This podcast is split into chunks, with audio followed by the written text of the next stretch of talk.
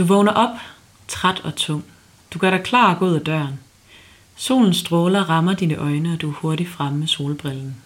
Du er ung, i din ubekymrede alder, hvor verden ligger for dine fødder. Du kan alt, men det kan du lige præcis ikke. Du kan ikke bare tage til koncert, drikke øl efter øl og klukke How med Your Mother hele natten. Ingen kan se på dig, hvorfor du ikke kan det her. Ingen kan se, at en skæbnesvanger aften er skyld i, at du nu skal omlægge dit ellers ubekymrede ungdomsliv. Du husker ikke selve slaget, da din hjerne har blokket det ude. Men du må forklare, forklare at slå hovedet kan ændre mange ting, og at hverdagen bliver en helt anden, når du har en hjernerystelse.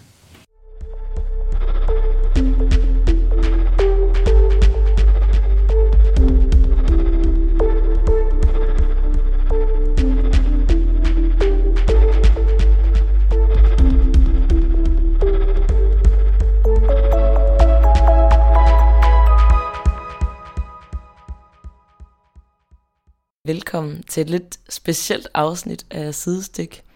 I dag øh, der øh, skal digte simpelthen alle mulige øh, spændende andre ting, så jeg har taget en gæst med i studiet i dag, øh, som skal være med til at øh, belyse et emne, som har fyldt rigtig meget i mit liv øh, det sidste år, og som jeg ved er noget ret mange faktisk døjer med, og gået op for mig efter jeg selv har prøvet det, og at du også har prøvet det.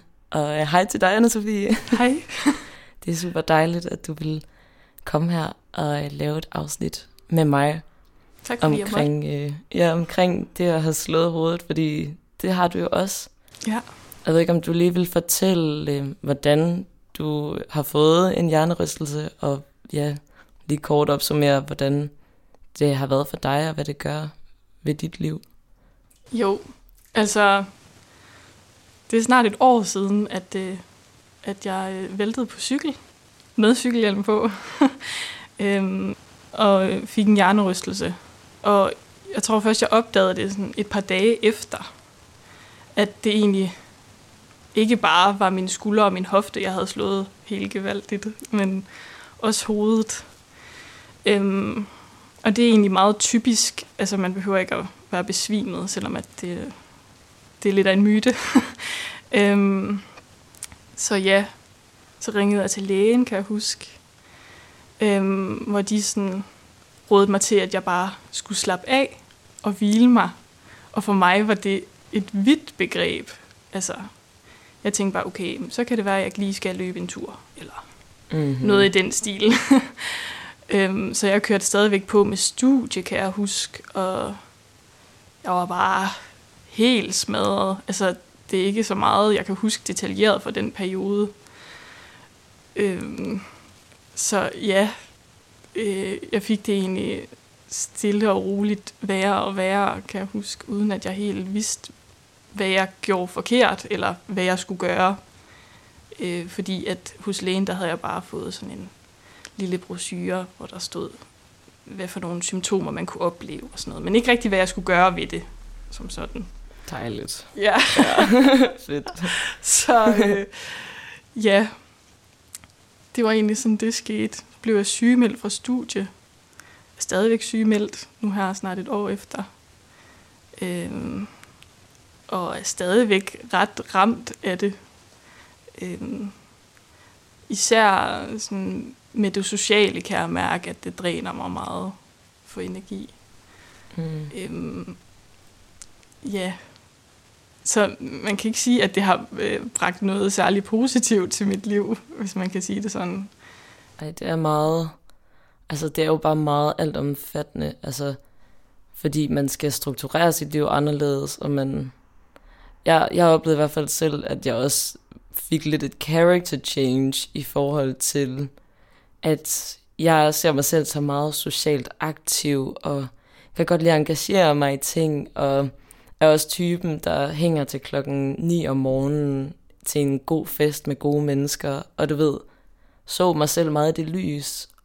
Og så synes jeg, at det var virkelig udfordrende at lige pludselig have kronisk smerte, som det jo egentlig er, og have hovedpine hver dag, og ja, opleve alle de her sådan kropslige øh, altså sådan fornemmelser af ubehag, og, og ligesom få lagt en dyne ned over sig og sin person, så, altså, så det er virkelig jo alt omfattende. Det er jo ikke bare, at man bliver sygemeldt fra studie og skal holde, holde sig i ro, som jo er et vidt begreb, men det er jo bare hele ens...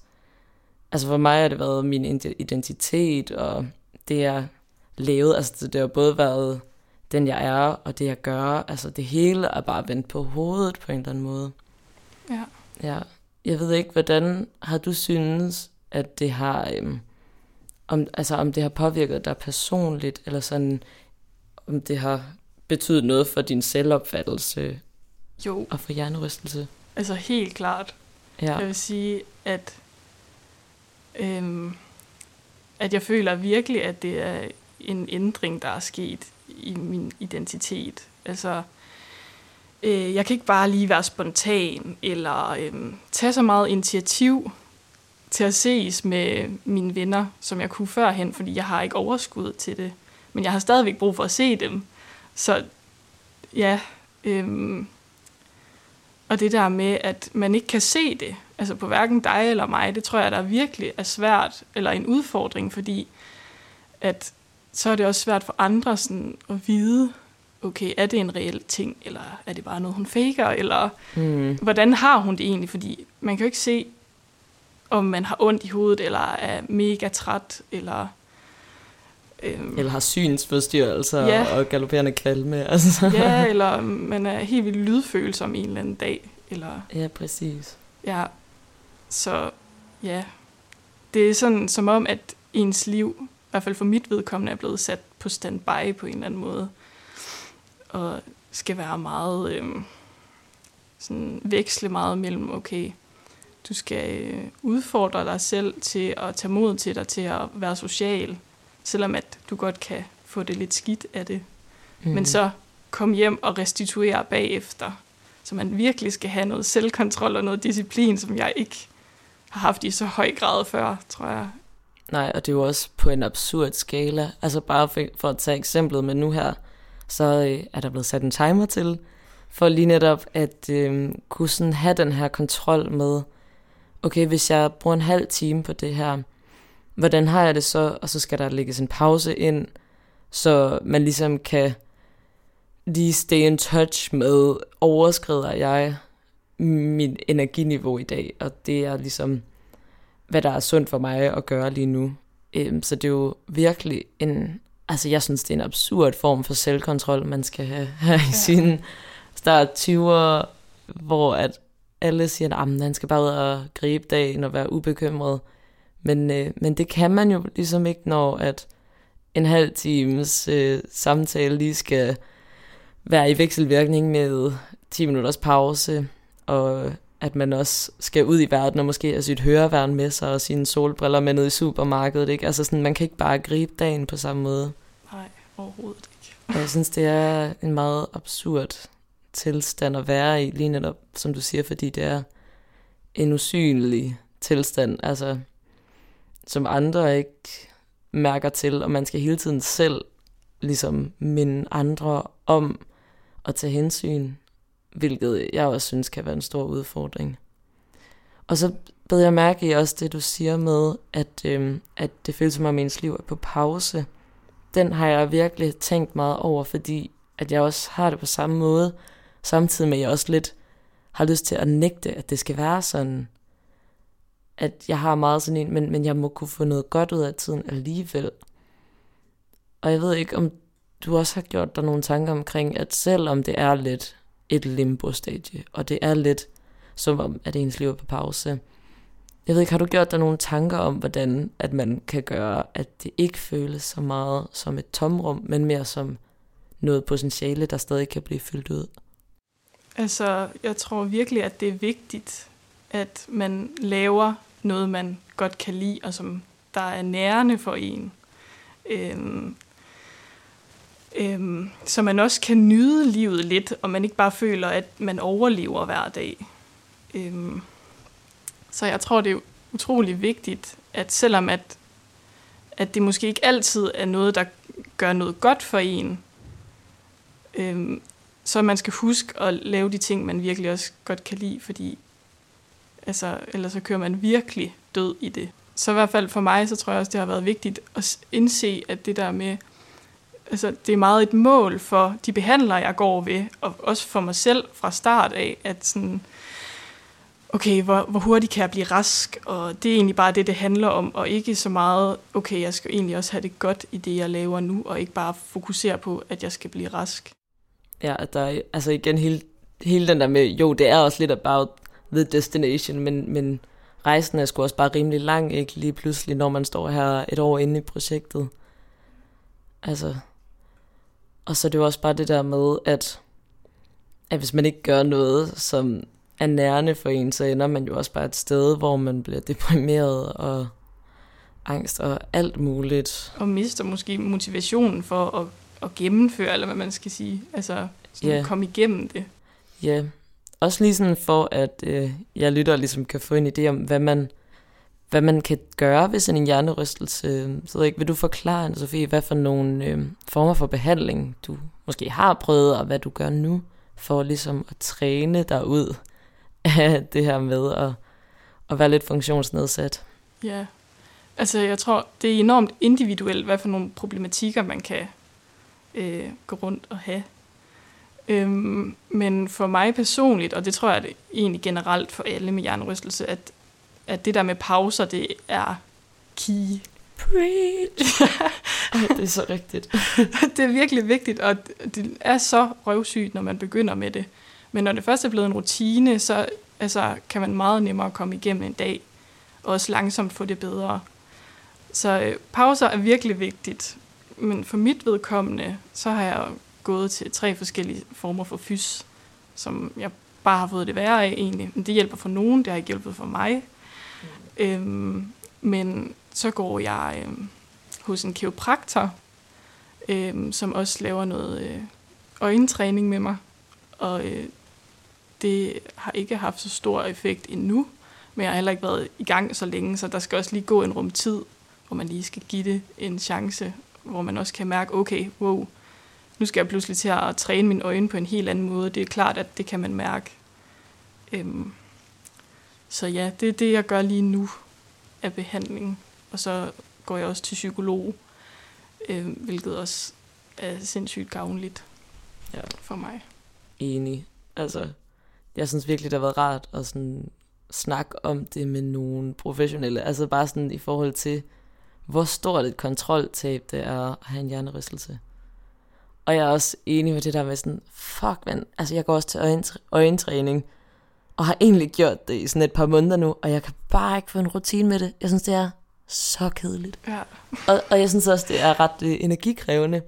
Så tit, når jeg kommer hjem om eftermiddagen, så er jeg sådan, jeg er så basket, jeg kan slet ikke overskue at skulle sidde og sådan, ah, glo på en bold, der svinger op i loftet med en klap for øjet, og sådan bare ligge og tænke, fuck mit liv, fuck mit liv, fuck mit liv. Eller sådan, Ja. ej, ej, ej, ej, jeg har bare så meget sådan, øh.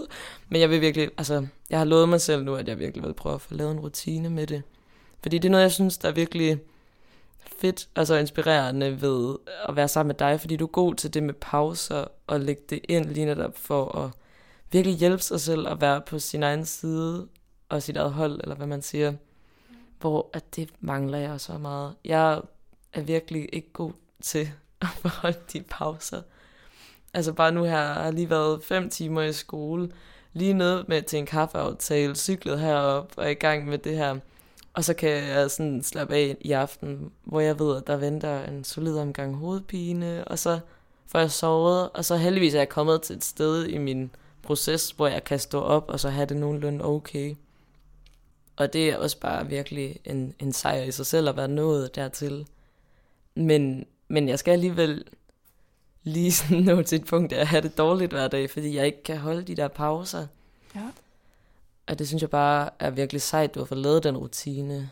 Altså, det har jeg virkelig ikke haft selvdisciplin til. Men jeg tror også, Ej. at, at det er meget et spørgsmål om, sådan, jeg har virkelig øvet mig i at skulle blive ven med min hjernerystelse, og det lyder mm. måske Mm. skørt, Nej. men, men det har jeg bare været nødt til, fordi at det, den vil vinde uanset hvad. Altså om jeg så bare er mega stedig og sådan, jeg vil det her i dag, og jeg vil være sammen med mine veninder så og så lang tid, fordi det har jeg brug for. Men så ved jeg også bare, at der er også en dag i morgen, som godt kan blive helt vildt skidt, måske også en uge. Altså, der er jeg slet ikke længere, men det var jeg på et tidspunkt, mm. hvor jeg bare tænkte, det her, det kan ikke fortsætte sådan. Så jeg er nødt til at ændre strategi for, den, for hvordan jeg normalt ville have altså, tænkt mig ud af en situation. Fordi før i tiden, så har jeg bare tænkt tit, at øh, ja, altså, så bliver man bare stedig ja. ved, ved mange ting, men det kan jeg ikke rigtig mere, fordi det er ikke den strategi, der fungerer, når man har hjernerystelse. Ej, jeg har også lært at have den der stedige energi, mest på tænkeplan, hvor det er, at jeg kan godt rationalisere mig ud af den og agere anderledes. Men altså, jeg kan have sådan nogle dage, hvor jeg bare sådan, ej, i dag, fuck hjernerystelse. Eller du ved, hvor jeg virkelig er sådan en, i dag har jeg ikke en hjernerystelse. Ja. I dag kan jeg bare leve det mit liv. Og så tænker jeg sådan, og jeg er bare virkelig stedig og virkelig vred, men så er jeg sådan, okay, men jeg holder alligevel også nok af mig selv til, og så ikke gå ud og høre en sindssyg højlydt koncert og drikke mig stiv og også hænge ud med mine venner til klokken lort om natten. Altså det vil jeg ikke af flere grunde, men, men man kan godt opleve den der trodsighed i, at sådan, jeg har bare lyst til at fuck det hele over på en eller anden måde. Altså sådan har jeg haft det flere omgange. Og det er Men, også det, der er så svært, ikke? Fordi at den følger jo med hele tiden. Altså, du har jo ikke ferie fra den. Eller sådan. Mm-hmm. Det er hver dag, og det er hele tiden, at man lægger mærke til den og skal tage hensyn til den, uanset om man har en god dag eller en dårlig dag. Altså. Ja, og også bare det der med, at den er usynlig. Altså for eksempel også bare i dag, så var der nogle gange i den gruppe, jeg er i hver dag, øh, så øh, altså, er det ikke alle helt, tror jeg, der ved, at jeg har en hjernerystelse. Jeg tror, de fleste gør. Men jeg synes stadig, det er grænseoverskridende. For eksempel, hvis der er høje lyde, så sidder jeg sådan og, og dækker mine ører til, eller som om sådan, åh, noget larm, eller sådan, det virker sådan lidt passivt aggressivt, men det er egentlig bare for at kunne holde til at sådan være der. Altså det er sådan nogle små ting, jeg synes, der virkelig kan være svære, at man umiddelbart ser frisk og sund og rask ud, men egentlig bare går og tænker sådan, fuck, hvor er, har bare lyst, selvom det er helt overskyet, og altså, at det larmer bare, fordi folk de griner lidt højligt, og du ved, det er bare, man er bare blevet rigtig gammel, føler jeg. ja. ja, fuck ja. Yeah. Også bare, ja, altså det der med, at man hele tiden skal minde folk om al den hensyntagen, altså der skal tages til en. Mm. Det er, meget imod, altså hvordan jeg normalt vil være. Fordi så må man bare æde den, men det kan man ikke sådan rigtigt. Det er i hvert fald svært. Det går i hvert fald meget ud over en selv. Ja. Altså. Og det er også svært, fordi ja, netop som du siger, folk kan ikke se det på en. Og de glemmer det hurtigt igen, fordi... Man ser normal ud. Ja. Altså. Ja. ja. Jeg synes, det er en meget uhyggelig sådan, tilstand, også bare fordi, at den er usynlig, men også fordi man ikke selv ved, hvor man står med den. Jeg altså, har flere omgange tænkt, ej, nu går det virkelig godt, og jeg er virkelig på vej ud på den anden side. Men så også lige et par uger efter blevet ramt af nedgang og tilbageslag, hvor jeg sådan, om jeg føler, at jeg er det samme sted, som jeg var for et halvt år siden. Ja. Og på den måde synes jeg, at det er ekstremt svært at have føling med, jamen er jeg langt i processen? Er det en kortvarig sådan tilbagefald, eller er det sådan et reelt tilbagefald, eller går det virkelig godt egentlig? Eller sådan, jeg, jeg ved det ikke. Fordi jo, så kan jeg gå i skole nu fem, dage, eller fem timer om dagen, og det er fandme stort. Altså, det er virkelig en sejr. Men samtidig går det også lidt dårligere og dårligere lige nu. Og så er man sådan, jamen kan jeg det så? Eller er det noget andet, jeg skal gøre om? Eller skal jeg begynde at tage flere pauser? Hvilket jeg nok skal. Men du ved, ej, jeg synes, det er uhyggeligt, fordi at man ikke har nogen føling med det. Altså, du kan ikke bare gå ind og tage en ring og finde ud af, om den er helet om to uger. Eller sådan. Det er virkelig meget fluffiness, og altså ikke til at føle på. Nej, men aner det jo virkelig ikke. Altså, man ved ikke, om der går et halvt år, eller fem år, eller sådan. Det er virkelig... Øh det er så scary ja. shit. Man kan ikke rigtig se en ende på det. Altså, fordi man ved ikke, hvornår. Der er ikke nogen, der kan give en prognose for, altså, hvor det ender henne. Ej, jeg bliver så freaked out. oh, det er faktisk en vildt uhyggelig snak, det her. Ja, det er Men det. også fordi, at jeg virkelig godt kan lide at bevare en optimisme, så jeg har flere omgange tænkt, ej, det går virkelig godt, og jeg kan bare se mig selv komme ud af det her.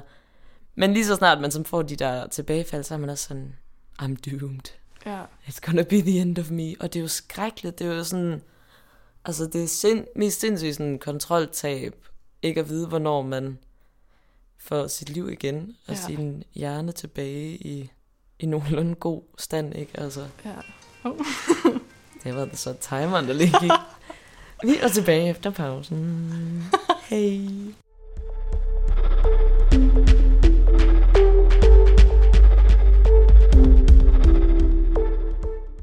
Så er vi tilbage efter en dejlig pause. Ja, hvor man lige har fået lidt ro til hovedet. Og vi har lige fået trukket vejret dybt. Det er, sådan, det er egentlig, jeg tænker over det, det er jo egentlig lidt at være mindful og lige ligge og meditere, lige mærke efter og lige slappe ordentligt af. ja. Det kan jeg faktisk virkelig godt lide. Ikke tænke på alt for mange ting. Eller, Ja. Ja. Jamen, det synes jeg kommer helt naturligt, når man har hjernerystelse. Nogle gange, så har man lidt sådan forgrødet hjerne til egentlig at kunne tænke. Ja, sådan ja, helt det klart. rigtigt. Bare et stort grødhoved. altså, det er rigtigt.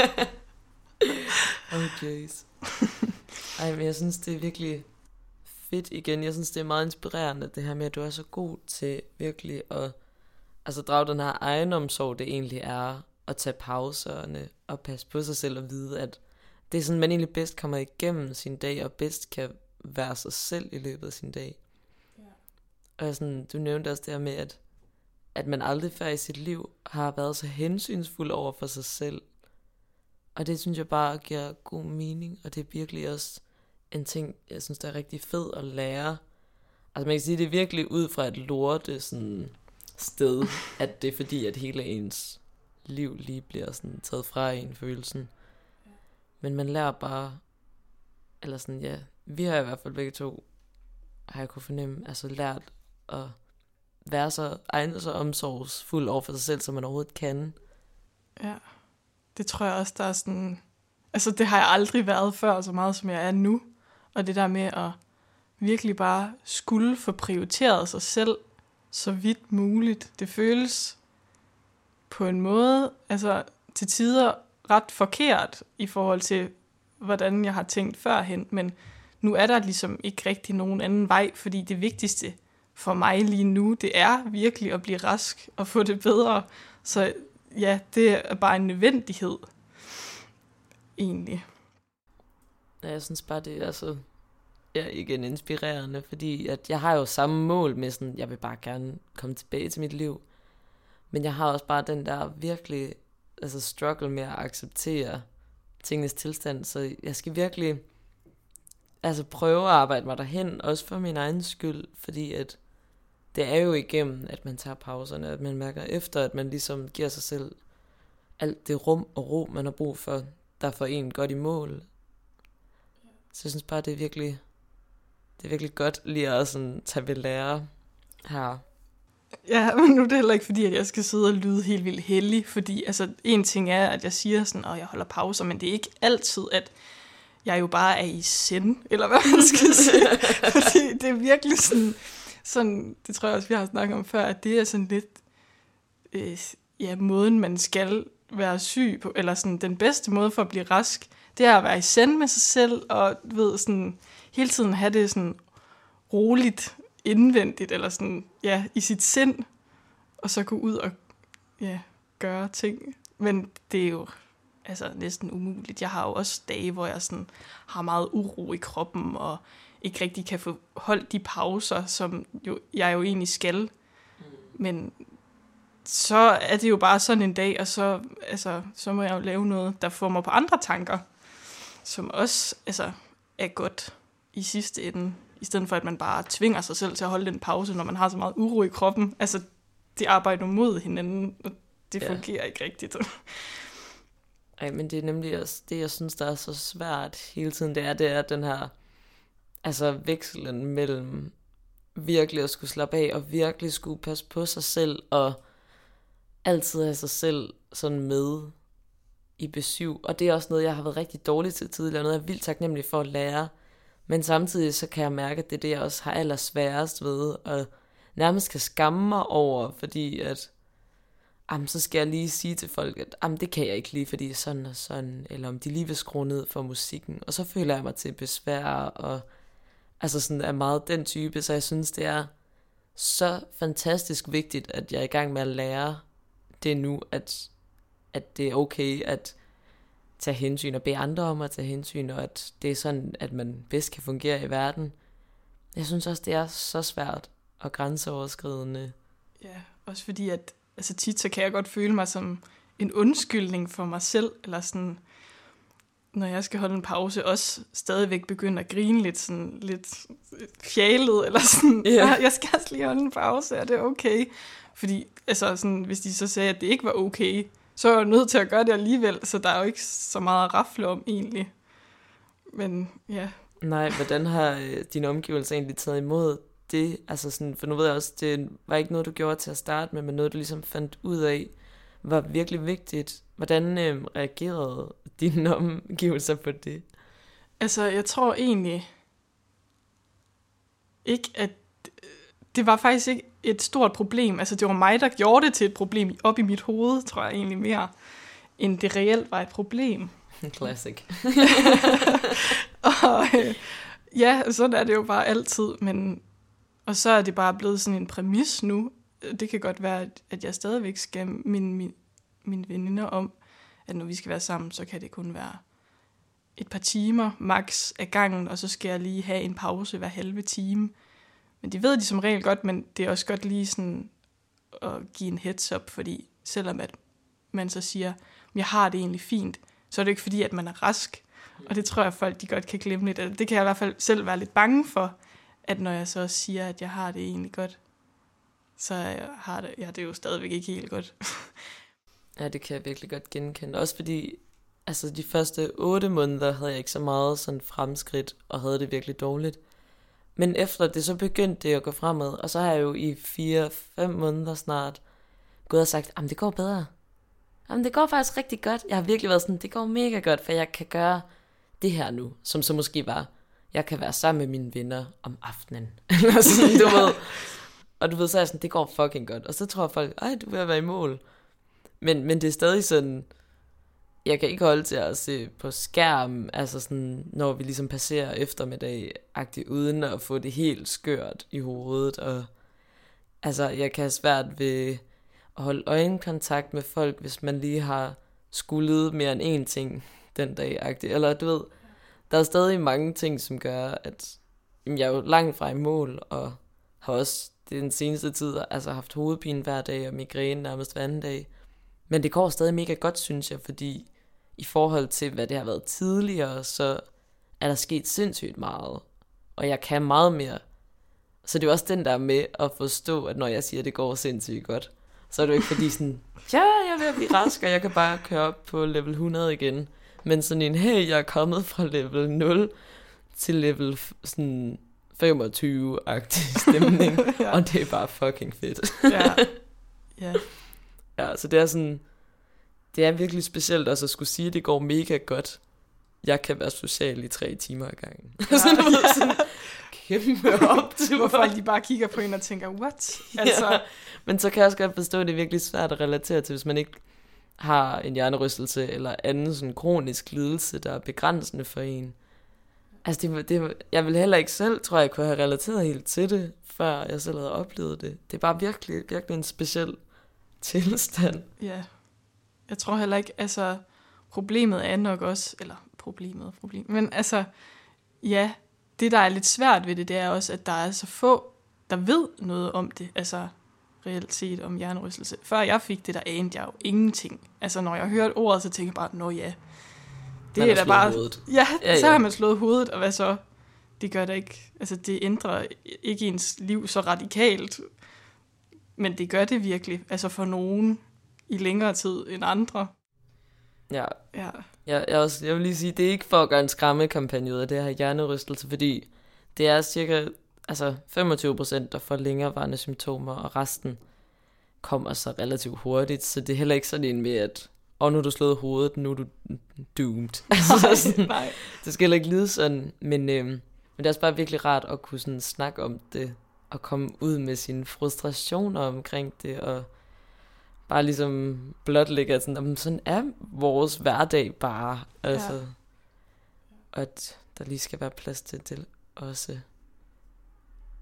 Ja, men virkelig bare, altså jeg bliver bare så sådan freaked out, hver gang jeg snakker om hjernerystelse. Ja.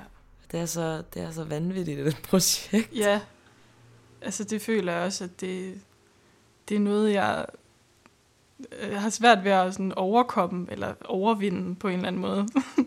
mm. øhm, fordi hvordan gør man det bedst, og hver gang, at jeg føler, at jeg ikke kan gøre det bedre, end jeg gør det, føler jeg stadigvæk ikke, at det er godt nok den måde, jeg sådan håndterer det på, du ved. Altså, og dunker sig selv oven i hovedet, når man føler, at man så har en lidt dårlig dag. Og det skal man jo heller ikke, fordi sådan er processen bare. Man kan have gode og dårlige dage. Men også som du siger med, det, at der ikke rigtig er nogen, der ved noget, det gør sig jo også gældende bare sådan ren altså evidensbaseret viden omkring hjernerystelse er jo bare virkelig, virkelig begrænset. Så sådan, der er jo ikke nogen, der har den gyldne opskrift til, hvordan du kommer videre. Altså, den opskrift, som jeg ved, vi begge to følger, den, den som er gængs nu, er jo ligesom, at man skal slappe af de første 48 timer fuldstændig. Altså den der rutine, man kender nu. og så, du ved, jeg kan ikke huske, om det er sådan noget 4-5 uger, hvor man også skal være meget i ro, og så skal man langsomt begynde at træne op fra, hvor man så er.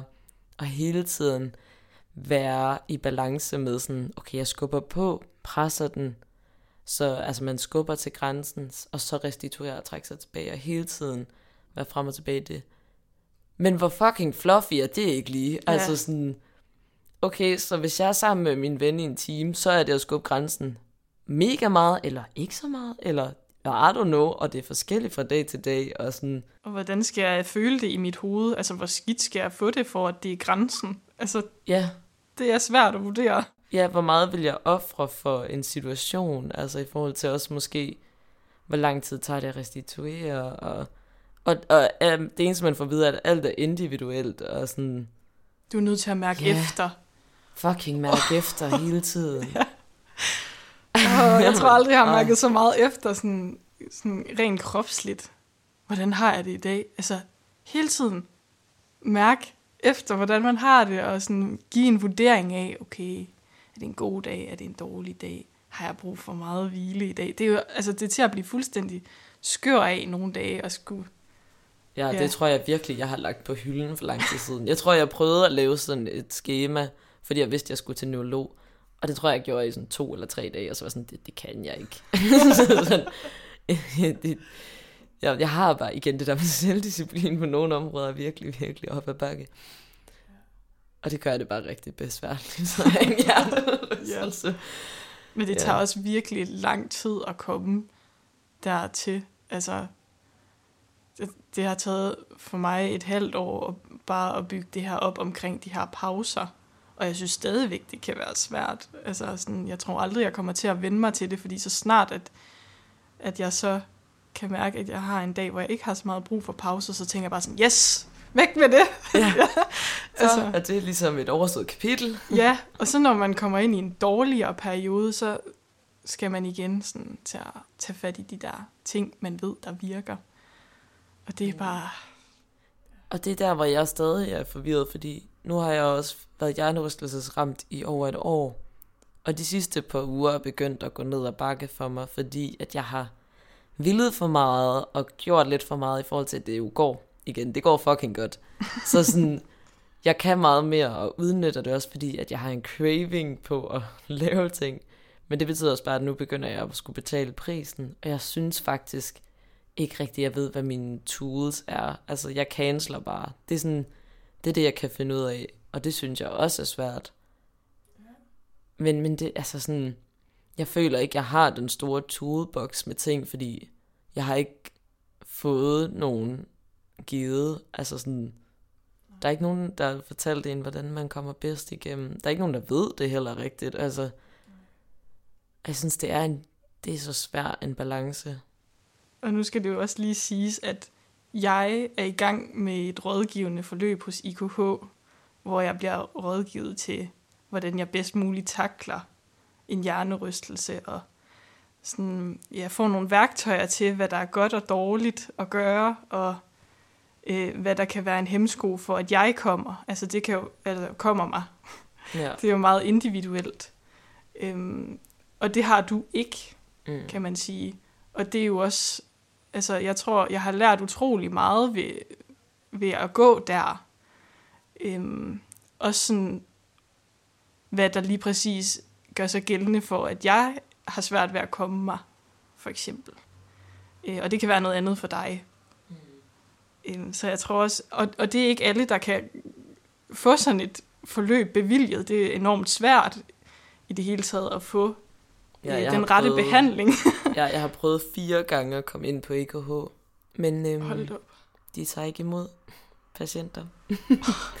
og jeg har også Ej. Ej. prøvet at komme ind på noget, der hedder Mind Social, og det var også et rungende nej. Og det er bare sådan, der var ikke nogen hjælp at hente Nej. for mig, åbenbart. Andet end det, som mine dejligt privilegerede forældre kan betale sig fra, øhm, lige netop ved øjenklinikken, hvor jeg kan få noget samsynstræning. Men ellers så er det meget følelsen af at være on your own. Har prøvet at læse mig lidt frem til, hvad man kan gøre igennem en bog, der handler om hjernerystelse. Og bare prøve at opsøge viden og snakke med folk. Har også lige været ved en neurolog, som sagde mange skøre ting, jeg ikke helt kunne forlige mig med. Og, sådan, og, og det har også været lidt blandet, hvad min fys har sagt, og hvad min læge har sagt. Og du ved, det er mange sådan mixede beskeder, så det er meget følelsen af, at man hele tiden selv skal opfinde sin egen ja, måde at komme igennem hjernerystelse på. Altså Og man det er er, frustrerende. man er jo på en måde både sådan patienten og behandleren selv. Altså man skal selv have al den viden om hjernerystelse. Og så skal man 100%. selv være den, der har den. Altså, Ja, og det har faktisk skræmt mig, og noget, som jeg også er frustreret over. Øhm, og det er bare, at for eksempel, da jeg så kom på skadestuen, fordi jeg var også øh, flækket min læbe og skulle ind og se, om jeg skulle syes, og min tand var slået lidt løs og sådan nogle ting. Så kom på skadestuen, hvor de så spørger, om jeg har ondt i hovedet. Og jeg var sådan, altså nej, der var der også lige 20 minutter efter, jeg var faldet. Men altså sådan, jo, mit ansigt gør ondt, fordi det lidt er flækket, men jeg havde ikke sådan ondt i hovedet, og så var de sådan, jamen så har du ikke en hjernerystelse. Så går der fra med troen om, jamen det har jeg ikke så, når de siger det. Og går bare hjem, ser en film, får det bare så psykopat dårligt, jeg kaster op, og altså sådan, verden begynder bare at sejle de følgende dage, eller sådan, at jeg kan ikke gå ned ad gaden, uden lige sådan skulle stoppe op og holde fast i ting, fordi at alting tilter. Hvor det jo så stille og roligt op for mig, okay, den er ikke sådan helt god, og der er måske noget med det der med hjernerystelse. Og kommer bare også til lægen, som siger sådan, jamen jeg skal bare gå hjem og slappe af. Og det siger hun så de første seks måneder. Og du ved, der var ikke nogen, der sådan rigtig var sådan stoppet op og sagde, at du skal gøre sådan noget sådan. Før jeg så heldigvis kom i kontakt med Hjernerystelsesforeningen, som sagde sådan, hey, okay, du har sygt meget kvalme og, og spændingsudpine, for lige tjekket din nakke hos en fys, eller sådan, du ved. Det har bare virkelig været meget langt hen i processen og gennem mange mennesker, før at nogle meget banale ting, egentlig har jeg selv erfaret, bliver nævnt. Altså at man lige skal få tjekket sin nakke, efter man har slået sit hoved, eller sådan, hvor det så viste sig, at min øverste nakkevivl var roteret lidt i slaget, og jeg bare havde haft det sygt dårligt på grund af det også. Eller du ved, og dejligt jo, det blev opdaget, men, men det var bare noget, som åbenbart var rigtig banalt, fik jeg at vide, da jeg snakkede med Hjernerystelsesforeningen, sådan fysiologiske rådgivning. Men min læge havde jo ingen idé. Altså, folk, jeg havde snakket med der, eller sådan... Og så fordi, hvis idé. det var blevet opdaget noget før, så er det ikke sikkert, at du havde haft det så skidt nu. Altså, Nej, sådan, præcis. man ved jo, at jo før man gør noget ved sin tilstand, og kan komme i bedring, jo kortere vil ens sygdomsforløb højst sandsynligt være. Ja, og det er også det, jeg synes har været frustrerende, fordi at så efter det der halve år, det er så der, jeg har fået kontakt med Hjernerystelsesforeningen, så siger de, om så er det, at man skal i gang med at træne sig frem, hvor det er sådan, hvorfor er det, som min læge har sagt, at jeg bare skal gå hjem og trække gardinerne for, og, og bare ligge i et mørkt rum, eller sådan, du ved, der har bare været sådan manglende viden omkring emnet fra fagpersoner, som jeg har været lidt frustreret over. Lige netop fordi, okay, okay, jamen altså, så vidste de ikke lige det, men jeg er sådan, okay, men det er et halvt år af mit liv, eller sådan, det er bare en virkelig stor pris at skulle betale og også vide, sådan, om det kunne være, at jeg havde været et andet sted, hvis hjælpen havde været der, men, men det har den ikke været, hverken fra min læge, eller altså fra kommunen, da jeg så måtte give op på at skulle arbejde, fordi at verden tiltede jo bare mere og mere, fordi jeg ikke kunne finde ud af at holde pause og alt det der. Og der ikke, altså at man ikke kunne få IKH, eller man ikke kunne få det der mind social, og du ved. Og det eneste, jeg kunne få fra neurologen, det var nogle antidepressiver, og sådan... Det er Ej, jo det heller ikke virkelig, der, vi er. det har, jamen, det var så mod kronisk smerte, øhm, hvor at den realistiske målsætning er, at man kan reducere den kroniske smerte med op til 50 procent. Og det er jo også fedt, hvis man virkelig har det dårligt, men, men jeg ser heldigvis fremskridt, og det, er sådan, det holder jeg fast i, at det er alligevel gået fremad. Men kæft mand, det, jeg håber bare virkelig, altså for eksempel med at lave sådan et afsnit her, og, og få lidt mere fokus på, at der er bare så meget mangel på, på viden omkring det at have hjernerystelse og behandlingsmuligheder.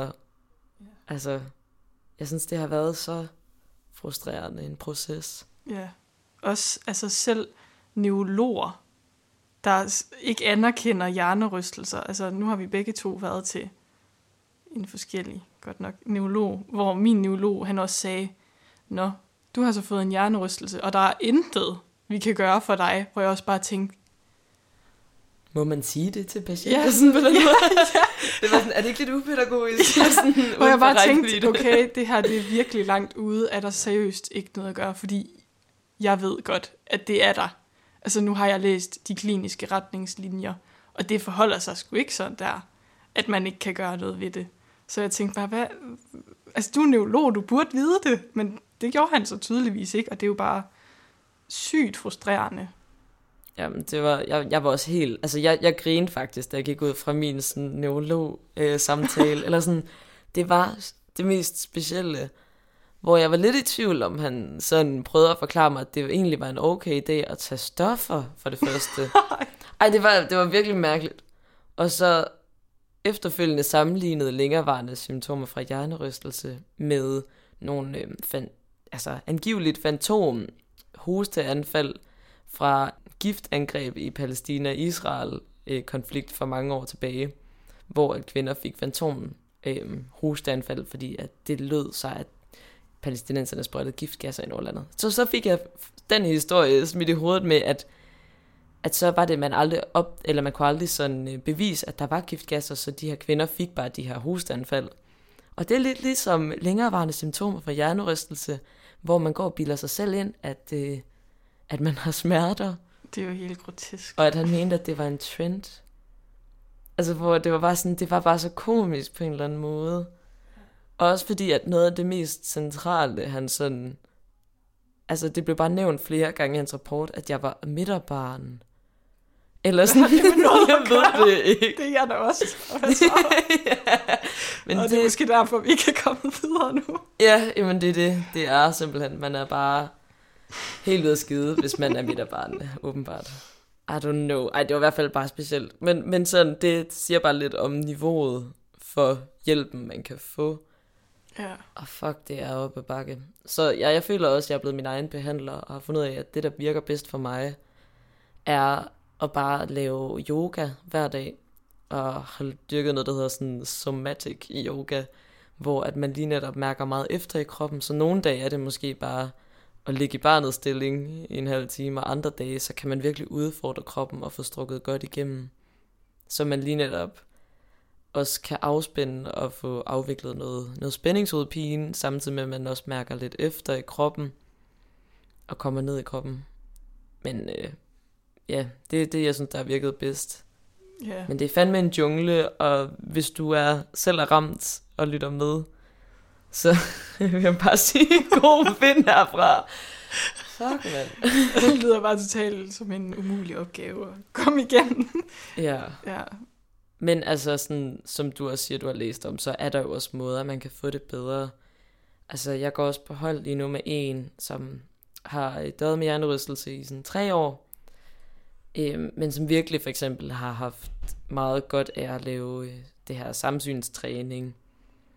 Og, og jeg har også selv haft ret god erfaring med det med fysioterapeut, men det var især fordi, at jeg havde det med nakken, og det var virkelig godt at få, få det rettet op. Ja. ja, så der er mange forskellige ting, man kan prøve af, og så er det langt fra det hele, der virker, men, øh, men man må bare langsomt lave sin egen vej igennem det. Ja, jeg tror også, det, det der er vigtigt for os, fordi vi er i så langvejt et forløb, det er sådan virkelig at finde ud af, hvad, øh, hvad det er for nogle problematikker, man har, og så øh, ja, blive behandlet ud fra det. Ja, og det kan for eksempel være lydfølsomhed, eller lysfølsomhed, eller ja, det ved jeg ikke, bare det der med sådan at have svært ved at holde øjenkontakt, ved jeg også, vi begge to døjer med, Ja, og der kan være alt muligt spacey. Og for mig har det også været meget kvalme, for eksempel. ja. Hovedpine. Ja. Hvorfor, hvorfor bliver man ved med at have det? Okay, er det fordi, det hænger sammen med min, mit samsyn, at, øh, at jeg bliver ved med at have hovedpine? Fordi man bruger jo øjnene hele tiden, så er det klart, Mm. at man bliver ved med at have hovedpine. Eller er det noget med nakken, som kan ja, give spændingshovedpine, eller hvad er det? Ja, det er virkelig en jungle. Det kan være svært at skelne mellem, altså, ja, hvad, hvad der stammer fra hvad, synes jeg. Jamen, enig, og jeg tror stadig, jeg ikke rigtig ved det. Igen, fordi, altså, ja, jeg, jeg har ikke kunne snakke med nogen rigtigt, der har vidst noget endnu. Altså, jeg kunne læse mig frem til, at jeg kan det, jeg kan, og så snakke med folk og høre om deres erfaringer.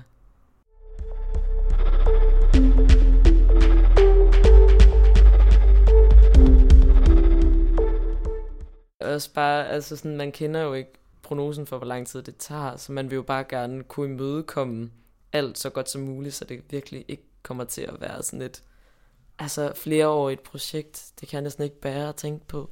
Nej. Det tror jeg heller ikke, at jeg vil...